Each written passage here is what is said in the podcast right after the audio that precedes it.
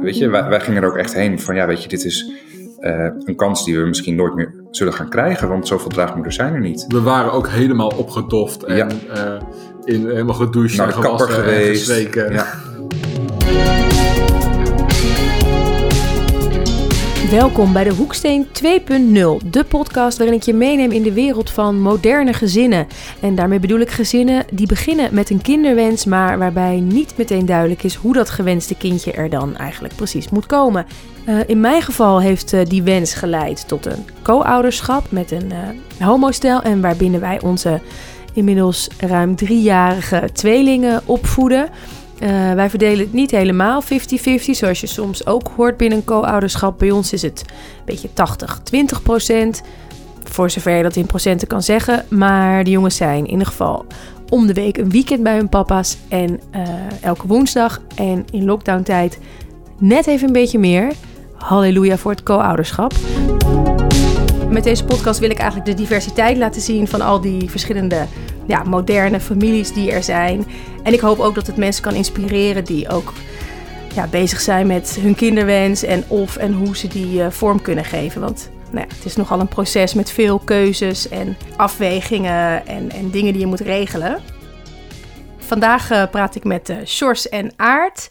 Ik had het net over moderne gezinnen. Zouden jullie kunnen vertellen, ja, hoe noemen jullie je eigen gezin en hoe ziet jullie gezin, eh, hoe ziet jullie gezin eruit? Nou, ik denk dat, dat- dat wij gewoon een vrij normaal burgerlijk gezin zijn. Met ook wel een beetje de standaard en normale dingen waar alle gezinnen tegenaan lopen. Dat is, dat is dat je kind een keertje ziek is. Of dat je een kusje op zijn knie moet geven. En dan op zijn andere knie en dan op zijn vingers. En dan op zijn hoofd omdat hij zijn billen heeft gestoten. Ehm, of omdat hij iets wel of niet eet. Dus ik denk dat wij een heel normaal gezin zijn. ehm, Met als enige anders dat wij twee papa's zijn. Ja. En voor de mensen die jullie eh, niet kennen, ik bedoel, ik bedoel ook hoe ziet jullie, hoe ziet jullie gezin eruit? Eh, hoeveel kinderen en eh, hoeveel ouders? Nou ja, dus twee vaders, Ja. dat is al Twee duidelijk. vaders. Ehm, Tom, inmiddels eh 2,5 bijna. Ehm, hebben we gekregen via een eh, bevriende draagmoeder eh, hier in Nederland. Met, door middel van zelfinseminatie. Dus eh, gewoon thuis met een potje en een spuitje. Nou, hebben we een kind gemaakt. Hebben we een kind mogen krijgen. ja, mogen Ja. krijgen. En we hebben, toen hebben we, hem, ja, negen maanden later eh, hebben we een kindje gekregen. En het klinkt nu eh, eigenlijk heel eh, behapbaar en ehm, nou, overzichtelijk, maar als je jullie verhaal een beetje eh, volgt, dan weet je ook dat ja, dit, is, dit het proces is eigenlijk voor jullie al veel eerder begonnen. Kunnen jullie vertellen hoe, hoe is die, die wens of dat jullie dachten, nou, we willen echt iets met die wens eh, gaan doen? Hoe ging dat? Nou, ik eigenlijk al vanaf, helemaal vanaf het begin, nou, eh, eh, dat ik er was, zeg maar, wilde ik al eigenlijk al ouder worden, vader worden. Ehm, toen, nou, toen leerde ik Jos kennen. Nou, toen kwam uit de kast natuurlijk eerst. En dan denk je al van, oh ja, dat wordt toch een beetje een ander verhaal. Ehm, wel had ik me er wel in verdiept, maar vooral in adoptie. Nou, toen wij elkaar leerden kennen, heeft het nog wel even geduurd voor er ook aan toe was. En dat heeft ook wel eh, de nodige gesprekken opgeleverd. En ik denk dat we waren ze- zes, zeven jaar samen toen we echt begonnen. We zijn nu 14 jaar samen. Ja. Dus ik denk dat we zes jaar samen waren toen we echt begonnen. Ja. Nee, ik, ik stel dat allemaal nog een beetje uit. Ik was ehm, eh, flink ziek geweest. eh, twee keer. Dus ik had zoiets, ja weet je, ik, ik ben nog niet zo erg zeker van ehm, mijn lichaam. Dus, en ik, ik wil wel, als ik een gezin sticht, wil ik er wel gewoon, nou ja, vrij zeker van kunnen zijn dat ik dat meemaak. En dat ik dat ook een kindje gun. Ehm, dus nou ja, door die gesprekken is dat wel een beetje naar boven gekomen dat dat me echt wel een beetje in de weg zat. Ehm, daar heb ik ook wat hulp voor gezocht. En uiteindelijk toch wel de keuze gemaakt van, ja, weet je, wil ik een gezin ja of nee? Nou ja, hartstikke graag. Ehm, dus nou, toen ik uiteindelijk wel wat zekerder werd over mijn gezondheid, ook een overleg met een eh, arts, eh, toen zijn we er eigenlijk wel eh, meteen voor gegaan. En toen was het, nou het stoplicht was meteen ook op groen, zeg maar. Weet je, die eierstokken die gingen ook opeens aan. Ja, ja, maar ja, dan komt natuurlijk ook de vraag: hoe gaan we dat, hoe gaan we dat doen? Ja, we, in eerste instantie hebben we ons eigenlijk helemaal gericht op adoptie, omdat dat het enige was wat we kenden. Ehm, nou hou ik heel erg van googelen. Dus eh, we hebben, hebben ons denk ik ingeschreven in augustus bij eh, Stichting Adoptievoorzieningen. Nou, toen zijn we in die tussentijd gaan googelen en bij meer dan gewenst terechtgekomen. En vanuit daar zijn we gaan kijken naar wat zijn de opties. Ja, toen zijn we ook naar een informatiebijeenkomst van Middag Gewenst uh, gegaan. Uh, en toen stonden we dus al ingeschreven op de wachtlijst van, uh, van de adoptietrainingen. Um, en daar hebben we ontzettend veel gehoord. Allemaal dingen ja, waar we nog niet eens van afwisten. Dus co-ouderschap, pleegzorg, adoptie, draagmoederschap in het binnenland en ook in het buitenland. Um, nou, donorconstructies, dat is dan niet per se voor ons van toepassing, maar die hoorden we ook wel weer. Dus nou ja, de hele mix die kregen we over ons heen uh, gestort. En toen dachten we, nou, er is eigenlijk wel wat meer dan alleen adopteren voor twee mannen. Ja, en toen ben ik vooral gaan googlen. En toen ben ik uiteindelijk bij, um, was toen nog een forum van Zwanger voor een Ander uh, terechtgekomen. Daar was, heeft, Pauline heeft dat opgezet, toen nog onder een, uh, een schuilnaam en een blog wat, wat, zij als draagmoeder had geschreven. Nou ben ik eigenlijk een beetje op dat forum terechtgekomen, een beetje kennis gaan maken. Um, ja, toen hebben we eigenlijk onze eerste contacten gelegd. Want die, die optie, want hè, je zegt bij meer dan gewenst, misschien ook voor mensen die het niet kennen, is een soort vereniging voor roze ouderschap. Dus ja, en eigenlijk ook voor single vrouwen. Want ik heb ook mijn co-papa's via meer dan gewenst uh, gevonden. Maar de, de optie uh, uh, draagmoeder sprak jullie dus het meeste, het meeste aan. Niet zozeer co-ouderschap. Nee, nee we, we, waren eigenlijk al wel vanaf het begin ook wel uh, ja, dat we een kindje samen wilden opvoeden. En niet per se met, uh, met een derde partij nog uh, erbij. Ja, en het mooie van draagmoederschap is eigenlijk dat je uh, helemaal vanaf het begin, helemaal vanaf de start, sowieso heel bewust kiest voor uh, deze gezinsconstructie. Dus dat je echt heel erg duidelijk nadenkt over wat je een kind dan uh, te bieden hebt. Um, en bij adoptie is het kind eigenlijk niet ja, in staat om in zijn eigen omgeving op te groeien. en heeft al een rugzakje en vaak ook special needs. Um, dus het was voor ons, nou ja, toch vrij duidelijk dat we, dat we echt wel ja, de draagmoederschap prioriteit wil geven. Ja, als optie A hadden, zeg maar. Ja. Omdat het misschien ook het meeste dan echt je eigen... Ja. Hè, dan, dan is het natuurlijk ook een van de twee is gewoon nog de biologische vader. Ja. De mannen wilden dus gaan voor draagmoederschap. Maar dat is in Nederland nog niet zo makkelijk. Er is amper wetgeving, dus je moet alles zelf uitvogelen... en dan maar hopen dat het goed gaat. Nou, in Nederland is er, is er heel weinig geregeld, tot niks. Het is niet verboden, maar er zijn wel een aantal regels die er, die er aan vastzitten. En we hebben het ook nog over acht jaar geleden. Hè? Dus ja. dat was ook nog wel echt een, inmiddels acht jaar geleden. Dus ja. Echt een verschil. Enige dingen die er eigenlijk uh, op de website van de overheid staat, is dat bemiddelen verboden is. Dus er mag geen organisatie mag bemiddelen tussen wensouders en draagmoeders. Uh, commercieel draagmoederschap is ook verboden. Dus je mag geen bedragen overmaken omdat een vrouw een, een kindje voor je draagt. Um, en zowel inderdaad de, de, de, de draagmoeder als de wensouders, die mogen geen openbare oproepjes plaatsen.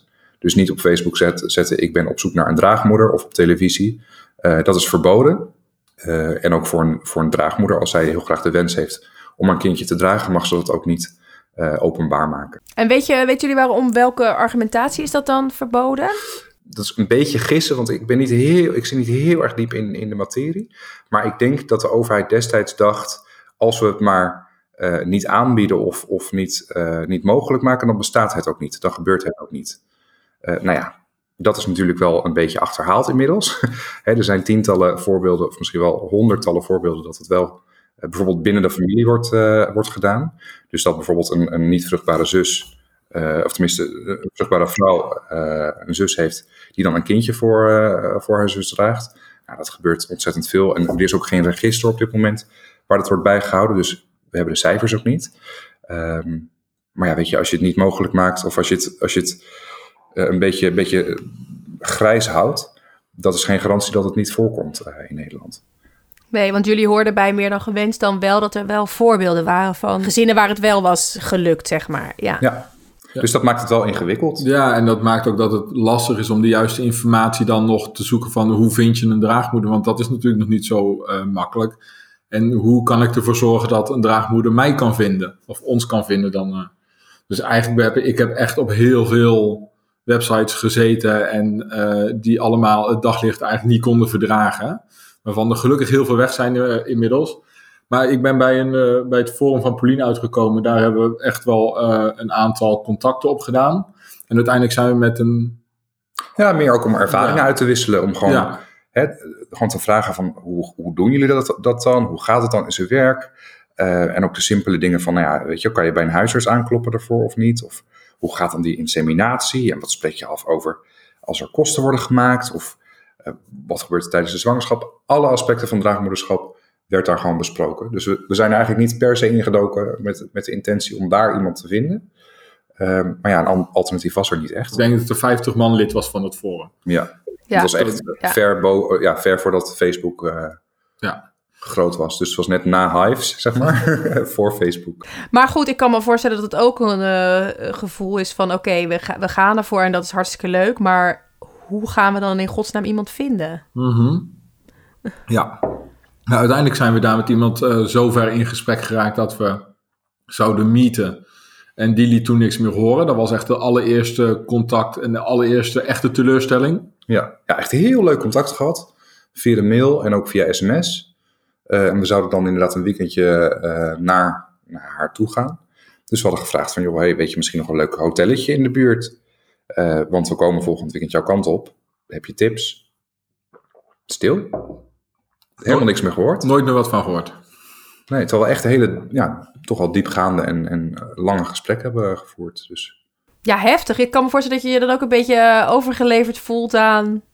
Ja, Ja, het, het doet wel wat met je. Ehm, we, hebben daar, we hebben dat best wel vaak meegemaakt. Ehm, de eerste keer doet het het meest met je. Hm. De keren daarna, de- dan hou je er rekening mee. Dus je, je leert er ook wel van. Ehm, en dat is uiteindelijk hebben we dat met Lianne zo. Ja, zijn we eigenlijk na twee dagen zijn we er al heen gereden om elkaar echt te zien. Zo van, ja weet je, we gaan er niet te veel tijd in steken als zij niet wil afspreken. Want als ze nu niet wil afspreken, wil ze dat volgende week ook niet. Deze Lianne werd de uiteindelijke draagmoeder voor de mannen. Maar we lopen nu nogal op de zaken vooruit, want voordat ze haar ontmoeten, moeten ze heel wat overwinnen en doorstaan. Als ze ongeveer een jaar aan het zoeken zijn en op verschillende forums rondkijken, hebben ze voor het eerst een echte ontmoeting met een vrouw waar het mee lijkt te klikken. Hoewel je de eerste afspraak nou niet echt een succes kan noemen. En dat was een ontzettend, ontzettend vreselijke eerste date die je maar kan voorstellen. ja, het voelt ook echt als daten, weet je wel. Ja, tenminste, dat voor het blind date kan ik me goed voorstellen. Ehm, het- ja, weet je, wij, wij gingen er ook echt heen van, ja, weet je, dit is eh, een kans die we misschien nooit meer zullen gaan krijgen, want zoveel draagmoeders zijn er niet. We waren ook helemaal opgedoft en Ja. eh, in, helemaal gedoucht Naar en gewassen en geweest. Ja. ja, dus echt met zee. Ja, maar het lijkt me ook heel spannend, want je bent ook zo afhankelijk dan. Ja, ik bedoel, het is. Ja. Kan, ja, jullie zijn natuurlijk volwaardige vaders en een volwaardig gezin, maar je hebt geen baarmoeder. Nee, precies. Nee, en iemand anders wel. En, en dat, maakt het wel eh, dat maakt het wel heel spannend. Dus die eerste date was ook echt, eh, nou voor ons allemaal was dat gewoon echt vreselijk. Was voor haar ook niet leuk. Maar waarom te We- gespannen we of waren zo? allemaal zo gespannen. We wisten echt niet wat we moesten zeggen, waar we moesten kijken. En toch voelde het wel oké. ja. Dus eh, Nou, dat hadden we dan ook wel weer gemeenschappelijk, weet je wel. Dat je gemeenschappelijk echt wel een beetje, nou, een beetje moet lachen ja. om, om die zenuwen, weet je wel. Van, ja, ik weet niet zo goed wat ik moet zeggen, haha. Maar het blijft natuurlijk ook heel. Ja, dat heb ik natuurlijk ook. Ik heb dan eh, afgesproken met eh, op zoek naar eh, co-ouders. En dan is het ook, je kent mensen helemaal niet. Nee, Maar je gaat wel praten over je, je diepste wens, weet je Ja. wel. En, en, en over een kind precies. De- in samenwerking, in jullie geval en in ons geval samen. Dat is ook natuurlijk best wel onnatuurlijk misschien. Oh, Ja, of Ja, normaal gesproken eh, denk ik, tenminste als een hetero stel bespreekt dat ook niet op de eerste date. Hoe, hoe- Nee. hoe gaan we dat kind maken eigenlijk? Ja. Nee, dat doe je niet. nee. Welke school gaat ons kind heen? Weet je wel? Ja, nee. Ja. nee.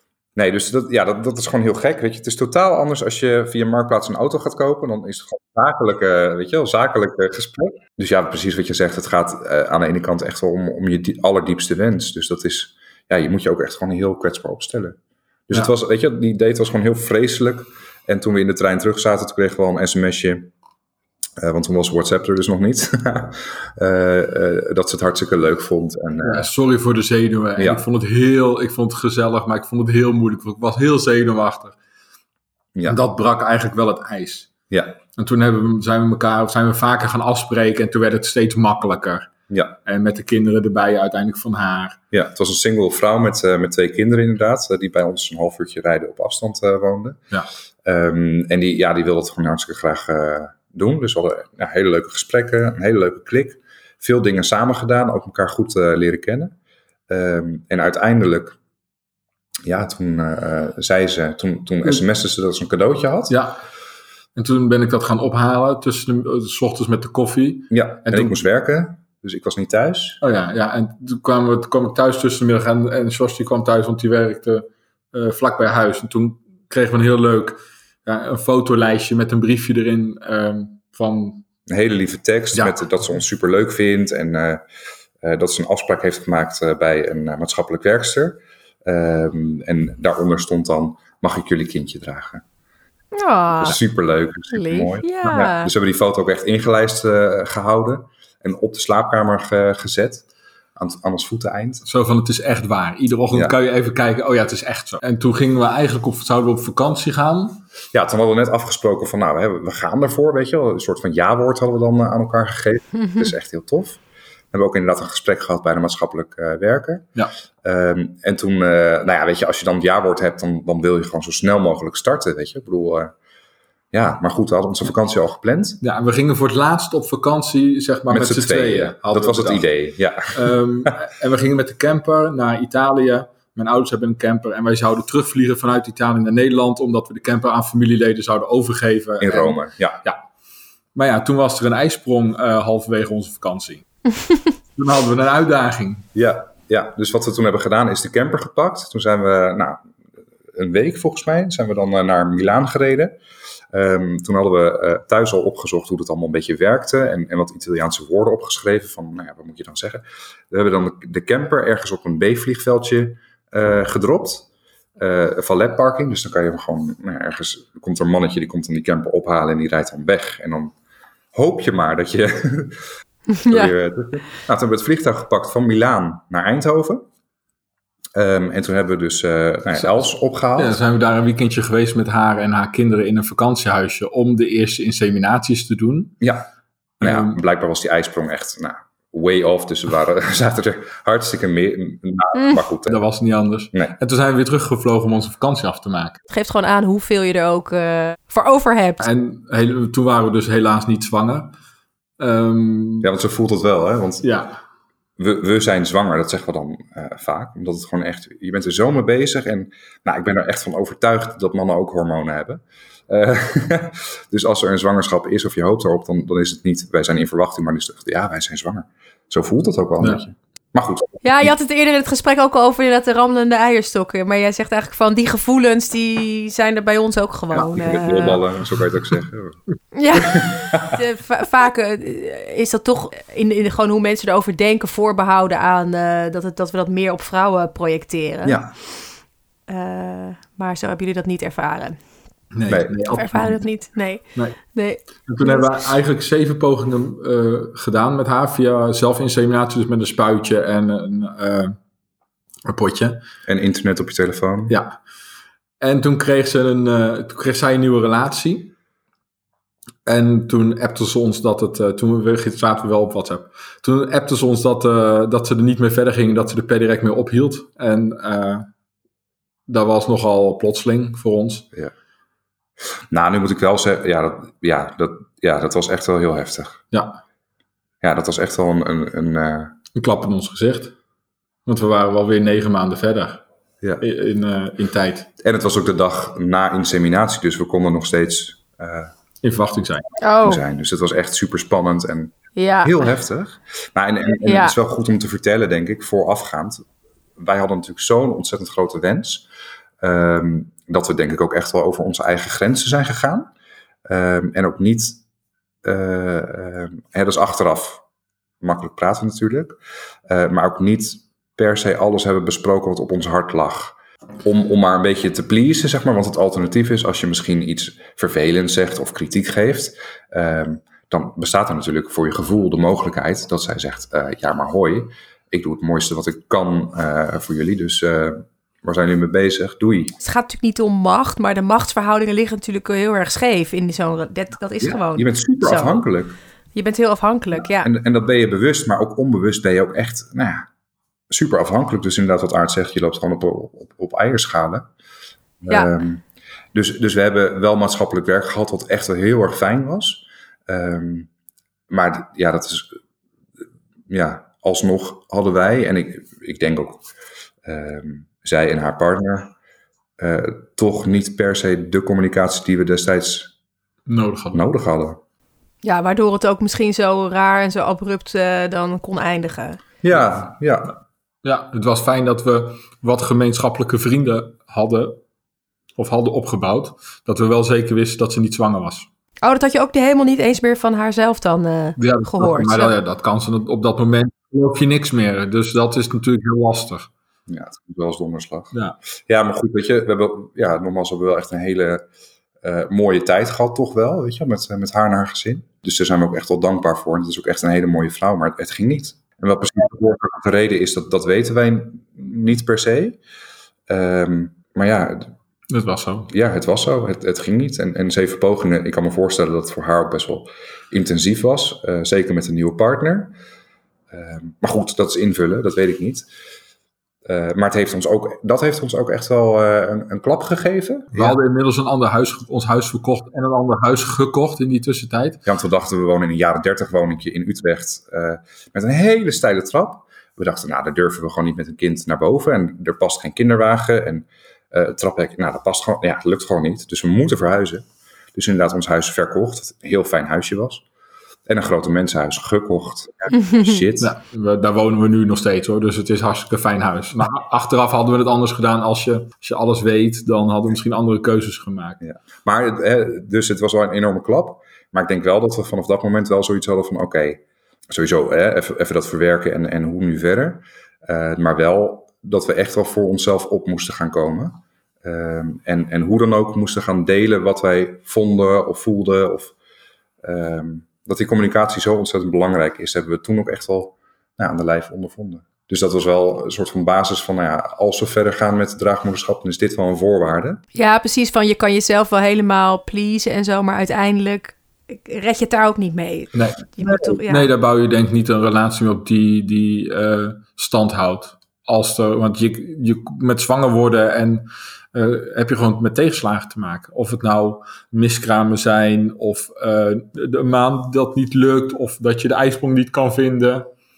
Ja, dat zijn gewoon dingen, teleurstellingen horen er gewoon bij. Ehm, maar ja, je, moet er wel mee om kunnen gaan en over kunnen praten. Dus ja, goed, dat was dus ehm, eh, heftig en, en verdrietig. Ehm, en toen hadden we wel zoiets van, ja, wat nu? Via een forum hebben ze op dat moment al langer contact met Nadia, een vrouw die al eerder draagmoeder is geweest. En dan gaat het gesprek met George en Aard ook richting een mogelijk draagmoederschap voor hen. Dus zij heeft gewoon gesprekken gehad met meerdere wensouders en daar toen iemand uit gekozen. Daar is ze altijd heel open over geweest van, nou ja, ik ga dus met jullie praten, maar ook met andere mensen. Eh, nou hadden wij dus al wat contact gehad, dus wij hebben- zijn ook eh, bij haar geweest. En uiteindelijk koos ze voor ons. Dat klinkt dan, het klikte gewoon eigenlijk zo goed. Vanaf het moment dat we de eerste echte date hadden, zeg maar. Nadat Ja. we elkaar al anderhalf jaar eh, zaten te mailen over allerlei zaken die eh, hiermee te maken hebben. Ja, het, het voelde meer als, als, als eh, dat we elkaar kenden, op, op een of andere manier. Ehm, en omdat zij heel open was en wij natuurlijk al dat traject met Elsa hadden doorlopen, ehm, stonden we ook wel echt wel een stuk steviger in onze schoenen. Ja. Eh, dus we hadden wel zoiets van, ja, weet je, als we dit aan gaan vliegen, dan moeten we wel gewoon echt ehm, het achterste van ons tong laten zien en open kaart spelen. Want daar kom je gewoon het verste mee. En dat, dat ehm, is ook gewoon het prettigste om met elkaar eh, eh, om te gaan. Dus eh, inderdaad, we zijn er naartoe gewe- geweest. We hebben een heel leuk weekendje eh, uit ervan gemaakt. Want ze woonden net over de grens bij Maastricht in België. En het, ja, die eerste date was echt super leuk. We zouden maar eventjes gaan lunchen. Ik denk dat we er rond, rond een uur of twa- 11, 12 waren. Ja. En dat haar man om vier uur belde van of dat alles wel goed was, want ze had niks meer gehoord. Ja, leef je nog? Die, die is toen ook maar gekomen. Ja, het eerste wat hij zei was: hé, hey, maar jullie zien helemaal niet uit als homo's. Weet je wel? ja, het was superleuk. En ook echt gewoon gelachen. En niet per se alleen over draagmoederschap gehad. Eh, maar ook gewoon, ja, Hoe, hoe sta je in het leven? Ja. Ehm, wat vind je leuk? We kwamen erachter dat we allemaal heel erg van bordspelletjes houden. We Ja. hebben uiteindelijk nog jarenlang heel veel bordspelletjes met het hele gezin bij hun gedaan. En maar omdat zij al draagmoeder was geweest, kende zij ook een arts, hè? Die, eh, Ja, ze heeft, eh, ze heeft inderdaad een kindje gedragen. Dus eh, via hoogtechnologisch draagmoederschap.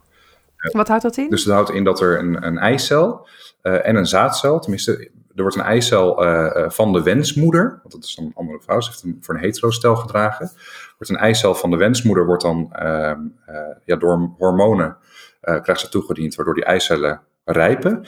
Die eicellen worden dan ehm, in een ziekenhuis of in een kliniek eruit gehaald, operatief. dat wordt dan in een petrischaaltje gelegd en dan nou, de wensvader die doneert dan zijn sperma. Dat wordt dan in dat petrischaaltje toegevoegd. En dan ontstaat er een embryo of meerdere embryo's als er meerdere eieren of eicellen worden uh, geoogst. Um, en die eicellen worden vervolgens terug uh, geplaatst in de baarmoeder van de draagmoeder. Ja, eigenlijk een IVF-behandeling of zo is dat Precies een IVF-behandeling. Ja. Alleen ja. komt de, uh, levert de draagmoeder, zeg maar, om het even zo te zeggen, niet de eicel. De, de draagmoeder is echt gewoon, nou ja, um, het oventje om het... Ja, uh, omdat zij dit al een keer eerder had gedaan voor een hetero-stel, wist zij een dokter in België die dat toen de tijd deed. Ja, maar dan moet je ook dus weer iemand vinden die dan die eicel dat was, wil. Dat, dat, was de volgende uitdaging. Ja, toen hebben we inderdaad wat uh, mensen bedacht van ja, aan wie ga je dat vragen en hoe ga je dat vragen en dat is super ongemakkelijk. En in de tussentijd hadden we dus meerdere gesprekken met Nadia om het gewoon wat dieper uh, daarover te hebben van hoe werkt draagmoederschap dan, hoe zie jij dit, hoe zie jij dat. Um, en het mooie eigenlijk van Nadia is dat zij heel erg open vragen stelde. Uh, dus niet sturende vragen, waardoor wij gewoon echt een heel oprecht antwoord moesten geven. En zij daarop uh, kon kijken van, nou, klopt dat met wat ik voor ogen heb? Ehm, dus dat was al een hele prettige manier van hoe we dat destijds hebben gedaan. Maar inderdaad, dat, ja, dat stukje een eicel zoeken. Ja. ja. je gaat niet even naar de buurvrouw van Ting Heb je misschien een dozijn eieren of eicellen voor ons te leen? Maar uiteindelijk hebben we iemand gevraagd die dat niet wilde, zelf wilde geven. Maar die ja. ging daar met haar omgeving weer mee praten. En daar stond iemand op die zei, dat wil ik wel doen. Dat zou ik zo doen. Dus dat ja. was uh, ja, vrij snel gericht. Klinkt heel gek. Maar ja, we werden vrij snel aan iemand anders gekoppeld. Die had gezegd, daar sta ik wel voor open. Ja, dus hebben we ook echt, en toen zijn we daarmee in gesprek gegaan. Goede gesprekken mee gehad. Dat was wel een tijd van heel veel etentjes. Wat was dan bijvoorbeeld bij Nadia, wat was haar motivatie om dit te, willen doen? Want hè, ja, je zegt al, ze heeft zelf, had zelf ook de eigen gezin en haar man. En waarom wilde ze dan... Uh... Nou, ze heeft sowieso een heel groot hart. Um, zegt ze altijd zelf. En nou ja, ze heeft ook uh, heel veel over voor andere mensen. Um, en ze zegt ook van ja, weet je, ik, ik, ik, ik wil niet uh, iemand zijn die um, geboren wordt, op een gegeven moment naar school gaat, uh, een vriend krijgt, kinderen krijgt. Nou ja, kinderen gaan uit huis. En dan sterf ik. Nou, dan heb ik gewoon een hele saaie grafsteen. En ik wil eigenlijk gewoon een grafsteen hebben waar dan iets bijzonders op staat. Dus ik wil iets bijzonders doen voor andere mensen. En ik vind zwanger zijn heerlijk. Ja, en dat kan ik heel goed. Uh, dus ze zegt, nou, dit, dit, is gewoon het, het ding voor mij. Dus dat was wel een, ja, een hele mooie motivatie. Uh, en zeker met een Vlaams accent is dat helemaal mooi. Ze lijken dus van start te kunnen gaan, althans aan de biologische vereisten is voldaan. Alleen nu is het nog de vraag of de arts die Nadia eerder heeft geholpen zwanger te worden voor een heterostel, dat ook in deze constructie wil doen. Dus we zijn met z'n allen, um, dus met uh, Sandra en haar man en uh, Nadia en wij zijn dus met z'n allen naar Brussel gereden. met zweethandjes hebben we toen inderdaad gewacht in de wachtkamer van dokter Bernard. Um, en ja, we kwamen daar binnen en, en had echt zo'n Franse tong, tongval, zeg maar. Hij was Frans met een beetje Nederlands. Ja, een hele stille nou ja, arts met zo'n baard. En echt, echt een dokter Bernard, zeg maar. um, en die tekende wat op zijn, op zijn papiertje. En toen zei hij, uh, nou, ik ga even kopiëren. En toen kwam hij terug en toen zei hij, nou, c'est bon.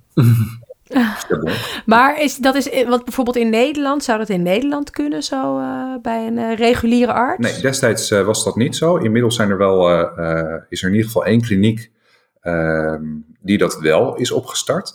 en de eerste homostellen die zijn, of in ieder geval één homostel die is nu in verwachting van een kindje via hoogtechnologisch draagmoederschap in de IVF-kliniek. Dus dat is echt een, een doorbraak. Maar zoveel jaar geleden helemaal, helemaal niet. Maar de, nee. wij zijn naar een privékliniek geweest in Brussel bij een arts die dat zelf wel oké okay vond. Zijn collega's die wel eens voor hem in hebben gevallen, vonden dat. Sommigen vonden dat iets beter oké okay dan anderen. Dat lieten ze dan ook wel echt merken. Ja. Uh, we moesten alles zelf betalen. En op het moment dat hij met pensioen is gegaan, is het ook gelijk gestopt. Maar hoe voelde dat voor jullie? Dat je, want ik snap inderdaad heel erg, je hebt die wens. Dus je, je gaat gewoon zoeken naar een manier om dat te realiseren. Maar het is allemaal wel, weet je wel, je, je voelt ook dat het niet gereguleerd is. Niet, niet uh, wat dat betreft uh, helemaal uh, juridisch gedragen is. Ja, hoe, hoe is dat? Ja, dat voelt toch wel... Um... Alsof je iets stiekems doet. Ja, soms. Ja. Terwijl. En, ook, en het is ook wel gewoon, ja, je voelt je ook echt wel een beetje gediscrimineerd. Dus ehm, nou ja, er zijn geen wetten of regels voor. Ehm, en, en we worden niet geholpen in, het, in Nederland. Terwijl, nou ja, wij hebben ook echt wel een kinderwens. Weet je, dat is gewoon. Wij hebben een kindje net zoveel te bieden als een ander stel. Misschien wel meer, omdat we juist er Zo veel meer over na moeten denken. Want het is zo'n ingewikkeld proces. Dat ik denk dat er weinig eh, kinderen eh, zo verwekt worden van, met, waarvan tevoren zo goed over na wordt gedacht van hoe willen we het? Ehm, eh, hoe willen we het met woning? Hoe willen we het gaan doen? Eh, waar moeten we allemaal over nadenken? Wat kan wel, wat kan niet? Ik bedoel, ehm, twee mannen, ja, op vakantie moeten we, houden we er al rekening mee dat we natuurlijk naar een homovriendelijk land op vakantie gaan. Eh, je gaat niet zomaar overal heen, ja, je moet overal over nadenken. Wordt een kindje niet gepest? Dat gaan we, hebben we helemaal uitgezocht. Hoe, hoe groeien de kinderen op met twee vaders? Ja. Eh, wat zijn de beste, beste opties? Eh, Ja, en je voelt je ook eh, heel erg afhankelijk. Dus je voelt je en een beetje gediscrimineerd. En je bent ook gewoon afhankelijk van derde partijen. Weet je, je bent afhankelijk van nou ja, dan een draagmoeder, maar ook een eiceldonor. En ook een arts die je wel of niet wil helpen. Maar ook afhankelijk van juristen die het dan ervoor kunnen zorgen dat je kindje bij de juiste ouders terecht. hoort. Ja. Ja. Dus je bent super afhankelijk en dat is best wel spannend. Ja, en misschien ook een beetje, kan ik me voorstellen, het gevoel dan dat, dat het er misschien eigenlijk niet eh, Ja, dat is ook een beetje. eh, mag zijn of zo. Ja, of dat het, eh, Ja, zeker, zeker toen. Inmiddels zijn we dat gevoel wel helemaal kwijt. Maar Ja. Eh, toen, ja, toen wel. Zeker dat ziekenhuis deden ze ook nog wel eens bij de intake deden ze moeilijk. Ja, maar ook weet je, bijvoorbeeld bij het ophalen van de medicatie voor Sandra dan. Die moest dan een medicatie krijgen om eh, haar eicellen te laten rijpen. Dat moesten we dan ergens in een gedeelte van Brussel, een beetje duister gedeelte van Brussel. moesten we dan in een oud ziekenhuis, in, een, eh, in de kelder, dat is een soort bunker, moesten we dat gaan ophalen. Bij een of ander Frans vrouwtje die nou, echt geen woord Engels sprak. Dus die zei dan ja, en dan eh, iets met een injectie. Eh around your belly button, de belly button. En nou ja, handen en voeten hebben we dan uitgelegd gekregen hoe die injecties kan werken en zo. En, nou, dan moet je dan cash betalen ergens. Dus dat voelt ja, echt, echt een beetje vreemd. Maar ja, wat is het alternatief? Die is er niet. Dus dan maar cash afrekenen in, in je beste Frans. Ja, maar het geeft inderdaad misschien ook de noodzaak aan om, hè, wat nu de stappen die nu al gemaakt zijn, om het gewoon wel te reguleren. Ja. Want het, weet je wel, het, is niet dat jullie hebben gedacht van, oh, het is allemaal zo moeilijk en een beetje grijs gebied. We doen het maar niet. Nee, Nee, nou zijn we, Nee. wij zijn sowieso niet zo van die opgevers. nee. nee, maar ik denk inderdaad, wat je zegt, ehm, als je het niet regelt in Nederland, dan, nou ja, dan zet je eigenlijk de grens naar het buitenland juist open.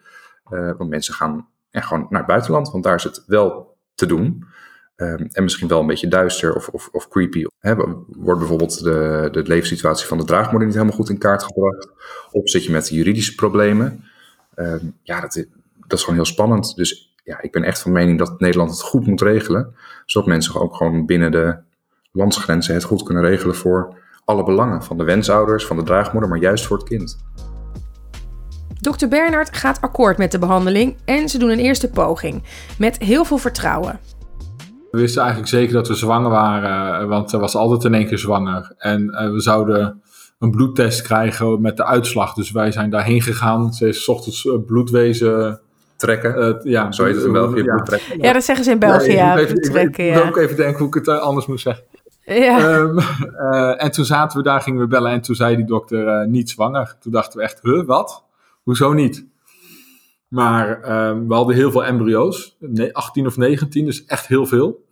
Ja, dus de eerste verse embryo was ingebracht. Ja, Ehm, en die is dus, eh, was niet, was niet. eh, nee, niet die is dus niet blijven plakken. Tenminste, ja. Toen, zeggen dat was de beste. Toen hebben we een tweede poging gedaan. Ook niet zwanger. Toen hebben we een derde poging gedaan. En toen kwam ze bij ons de uitslag horen. Toen hadden we dus net een ons nieuwe huis, de, nieuwe, de sleutel van ons nieuwe huis, kwam ze gelijk bij ons huis kijken. Ehm, en toen zou ze hier de uitslag krijgen. Nou, toen waren we zwanger. Nou, helemaal blij. Het was net voor kerst of net het nieuwe jaar. In ieder geval echt zo'n moment dat je denkt, ja, dit is helemaal goed. En ehm, nou, iedereen blij door Dolle heen, totdat we de, naar de acht weken echo gingen, denk ik. En ehm, ik weet nog dat we daar bij die dokter zaten en die vroeg hoeveel embryo's er waren teruggeplaatst. Ja, en ze was maar aan het zoeken met Want het ze bleef maar zoeken en ze bleef zoeken. En kijken en ze, ze werd stiller en eh, nou ja, stiller en stiller. En op een gegeven moment zei ze, nou ja, weet je, dit er, is, eh, er is niks. nee, het is geen hartslag. Dat was wel even een. eh, dat, was denk, dat was de heftigste klap die we gekregen hebben in die tijd. Ja, ja, jij moest ook echt gaan zitten. Ik moest echt, het werd echt zwart voor mijn ogen. Dat ik echt dacht, dit, dit bestaat gewoon niet. Nee, ben je zoveel jaren en, en met zoveel mensen bezig en IVF en, uh, en dan ben je in verwachting en dan gaat het mis. Ja. Ja, toen moesten we best wel lang wachten totdat de, de- het vruchtzakje, eh, eh, doordat de miskraam op gang kwam, uiteindelijk is ze gecuriteerd. Ehm, dat was poging 3. Toen hebben we nog drie pogingen gedaan, want poging 4 was ze ook zwanger. ja, dat klopt. Ja. Ja, poging 4 was ze ook zwanger. Ja, ze En- moest eventjes wachten omdat ze gecuriteerd was. Ja. eh, moest ze weer wachten tot eh, eh, ja, de hormoonhuishouding weer goed was. En de baarmoederslijmvlies ook weer was, eh, was aangegroeid.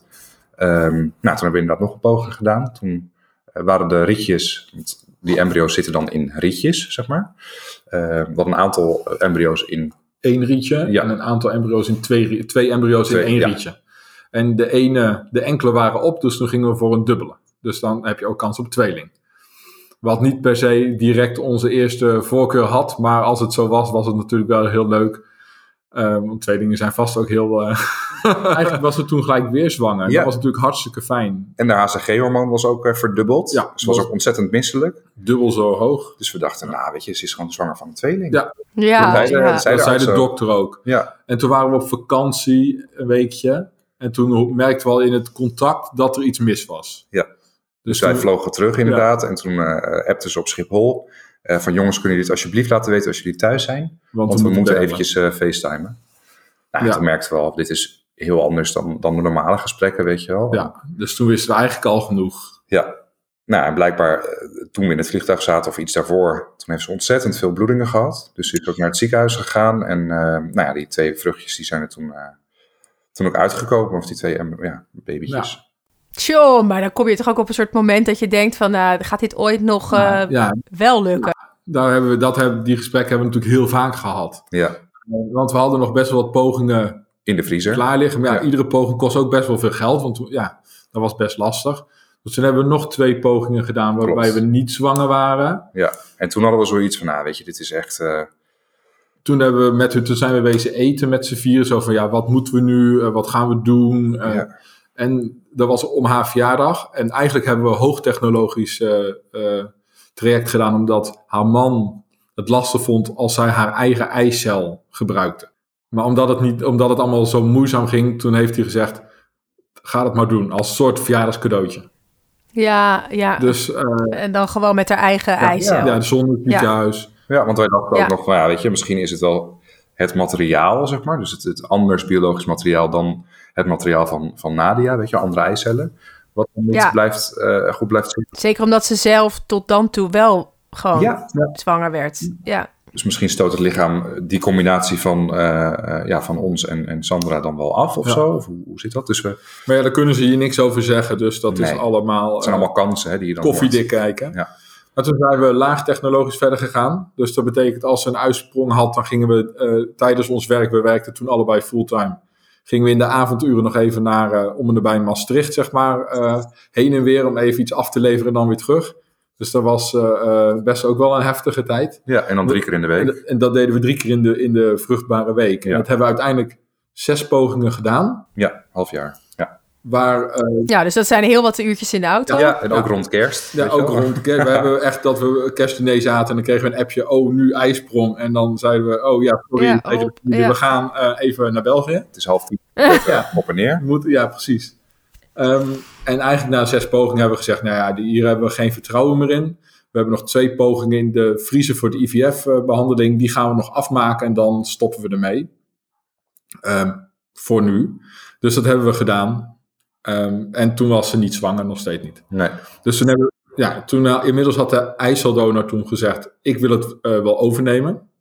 Om draagmoeder te worden dan eh, voor jullie. Oh, wauw. Ja.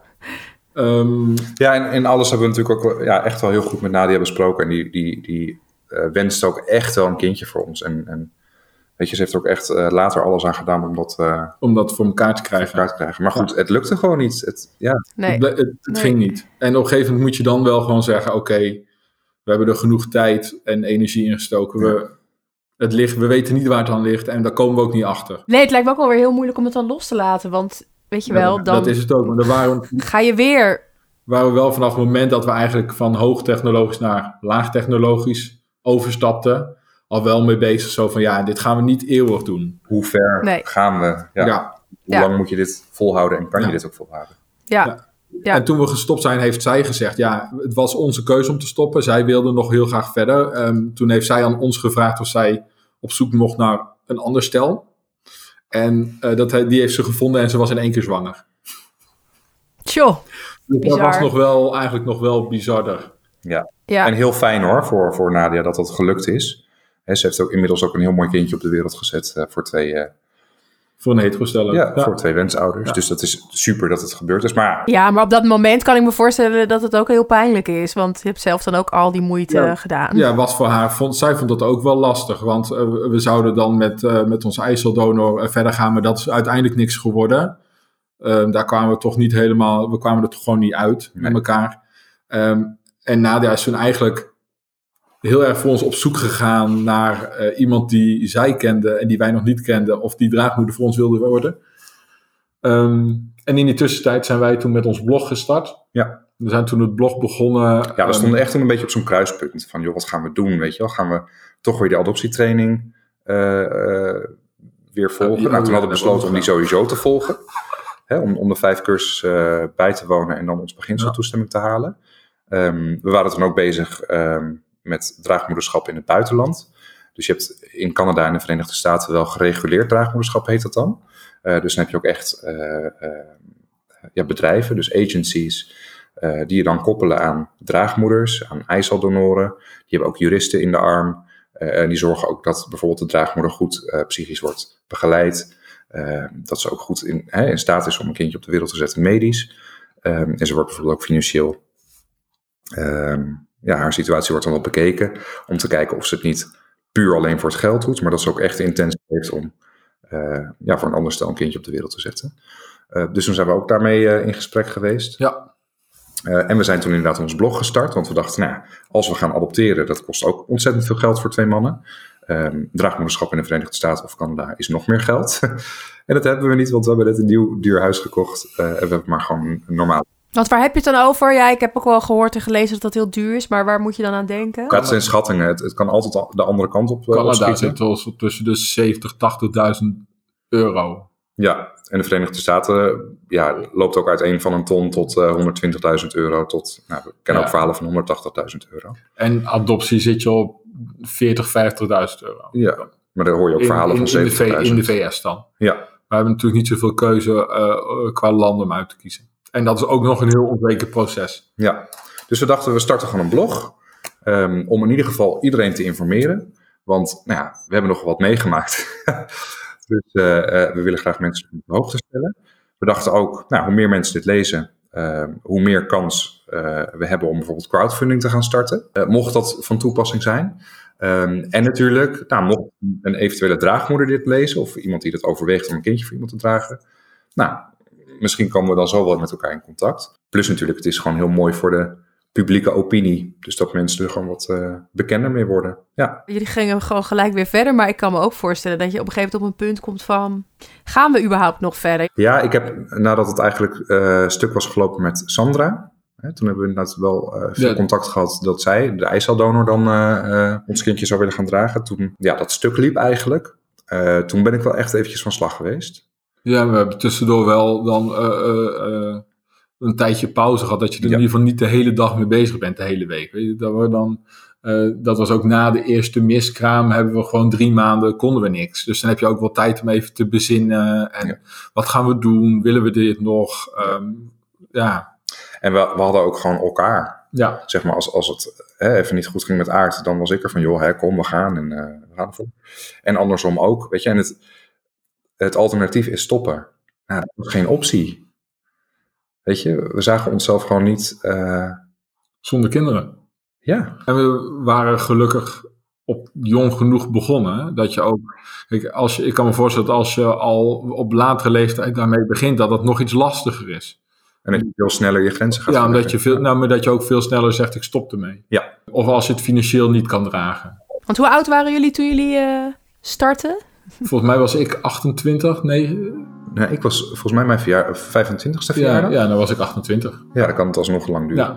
Na een poosje rustig aan om alles wat er nu weer gebeurd is te verwerken, starten ze hun blog en pakken de adoptietraining weer op. Ook onderzoeken ze de mogelijkheden in Canada. We hebben eigenlijk alle lijntjes opengezet. En we kregen heel veel reacties op ons blog van onbekende uh, mensen, van bekenden, van mensen die niet wisten die, waar we mee bezig waren, van uh, vrienden en van vrienden van vrienden. En uh, nou ja, van mensen die draagmoeder wilden worden, maar voor een ander stel bezig waren bijvoorbeeld. Of die dat waren geweest, die, die, die het wilden volgen. De babyfoon ging af. um, ja, en we hebben ook best wel wat um, reacties gekregen van dames die het over, overwogen. Um, en een heleboel hebben we gewoon meteen weer uh, hebben we niks mee gedaan. Bijvoorbeeld een meisje die was dan 18 en die wilde ooit wel een keer kinderen. Um, maar nu nog niet. Maar ze wilde wel even weten alvast hoe het was om zwanger te worden. Oh ja. Nou ja, dat vonden wij niet een, een hele goede insteek. Ik moet even naar boven. Wordt iemand wakker? Ja. Nee, wil iemand drinken. Oh. ja. Um, dorst is dorst, hè? Ja. Slaapt hij wel goed over het algemeen? Ja, ja inmiddels wel. Ja, ja hij, hij, heeft, uh, hij hoest veel. Uh, of hij heeft veel gehoest. Dus dan hoest hij zichzelf wakker. En dat is wel, oh, wel slopend. Ja. ja. Dus het eerste jaar was wel echt, uh, ja, echt wel pittig, moet ik zeggen, qua slapen. Maar inmiddels wil hij af en toe drinken. Maar dan kan hij dat ook zeggen. Dan zegt hij, drinken, papa, drinken. ja. Drinkt hij en dan zegt hij slapen.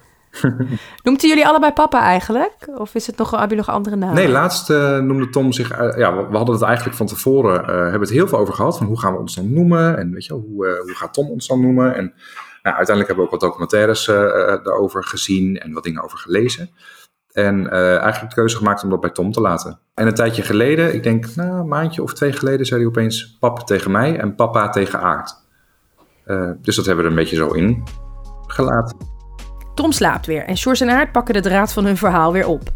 Een van de reacties op hun blog leidt tot een afspraak. En we hebben toen ook nog een uh, heel leuk gesprek gehad met, uh, met ook nog een dame, weet je, boven de snelweg. Dat was ja. een, een, restaurant boven de snelweg. Hele leuke klik, echt gewoon heel hard gelachen en we zijn er ook uitgeveegd uh, uiteindelijk. Um, nou, hele goede klik, hartstikke veel geappt, gebeld, van alles. maar het ging in haar familie niet zo lekker. Dus we zeiden van, joh, hè, neem even de tijd voor je familie en als je je zaakjes op orde hebt, uh, horen we je graag, maar neem vooral de tijd. Uh, nou, niks meer van gehoord. En ook inderdaad met, uh, met iemand koffie gedronken. Was ook hartstikke leuk. Want we, we hadden wel zoiets van, joh, weet je, um, contacten leggen, dat kan nooit kwaad. En we kunnen altijd wel kijken van, nou, past dit wel of niet bij ons? En, en zo niet, waarom niet? We hadden toen, we weer meenemen. Ja, we, we hebben er toen wel een termijn aangesteld tot, tot hier. Ja. Uh, tot 1 januari uh, daten we nog met, met mensen en gaan we nog met mensen in gesprek. En daarna houden we er helemaal mee op. En dan maken we een keuze tussen of adoptie of... Ja, uh, en dan maken we onze definitieve keuze. Want we, je kan er niet... Maar keuze tussen adoptie of... Of draagmoederschap in Canada. In, in, Canada. Of in Canada. Want je kan niet eeuwig met iedereen uh, blijven koffie drinken. drinken. Want die rollercoaster, dat op een gegeven moment is dat, uh, is dat gewoon niet, niet vol te houden. Ja, dus maar heel veel inderdaad mensen die een hart onder de riem staken. Zo ook Lianne. Die zei ook, nou jongens, hè, ik volg jullie en hart onder de riem. Nou, bedankt. En volgende reactie. En...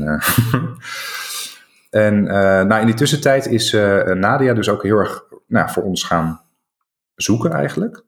Uh, om in ieder geval uh, ons verhaal kenbaar te maken bij iedereen. Iedereen, ja. Ja, dus zij had nog wel heel erg die betrokkenheid. Ik, absoluut. Ja, ja, ze gunnen ons echt ja. heel, heel, erg van harte een kindje. Dus ja, dat was super fijn. En uiteindelijk, zij was op vakantie in Egypte, Nadia. Ja.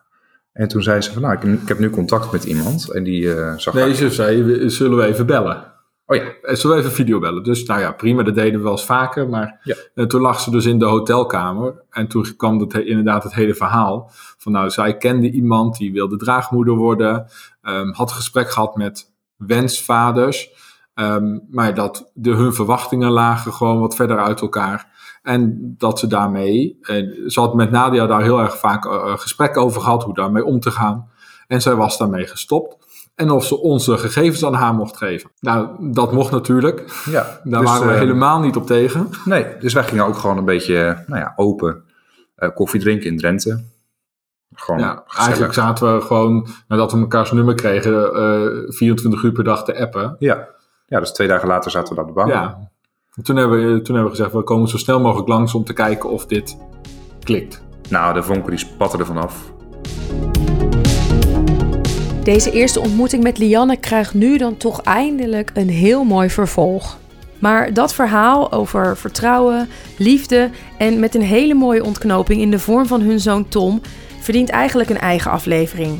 Luister dus daarvoor over twee weken weer naar de Hoeksteen 2.0. En vond je dit nou een leuke podcast? Dan vind ik het weer heel leuk als je een review geeft op iTunes. Dank en tot de volgende keer.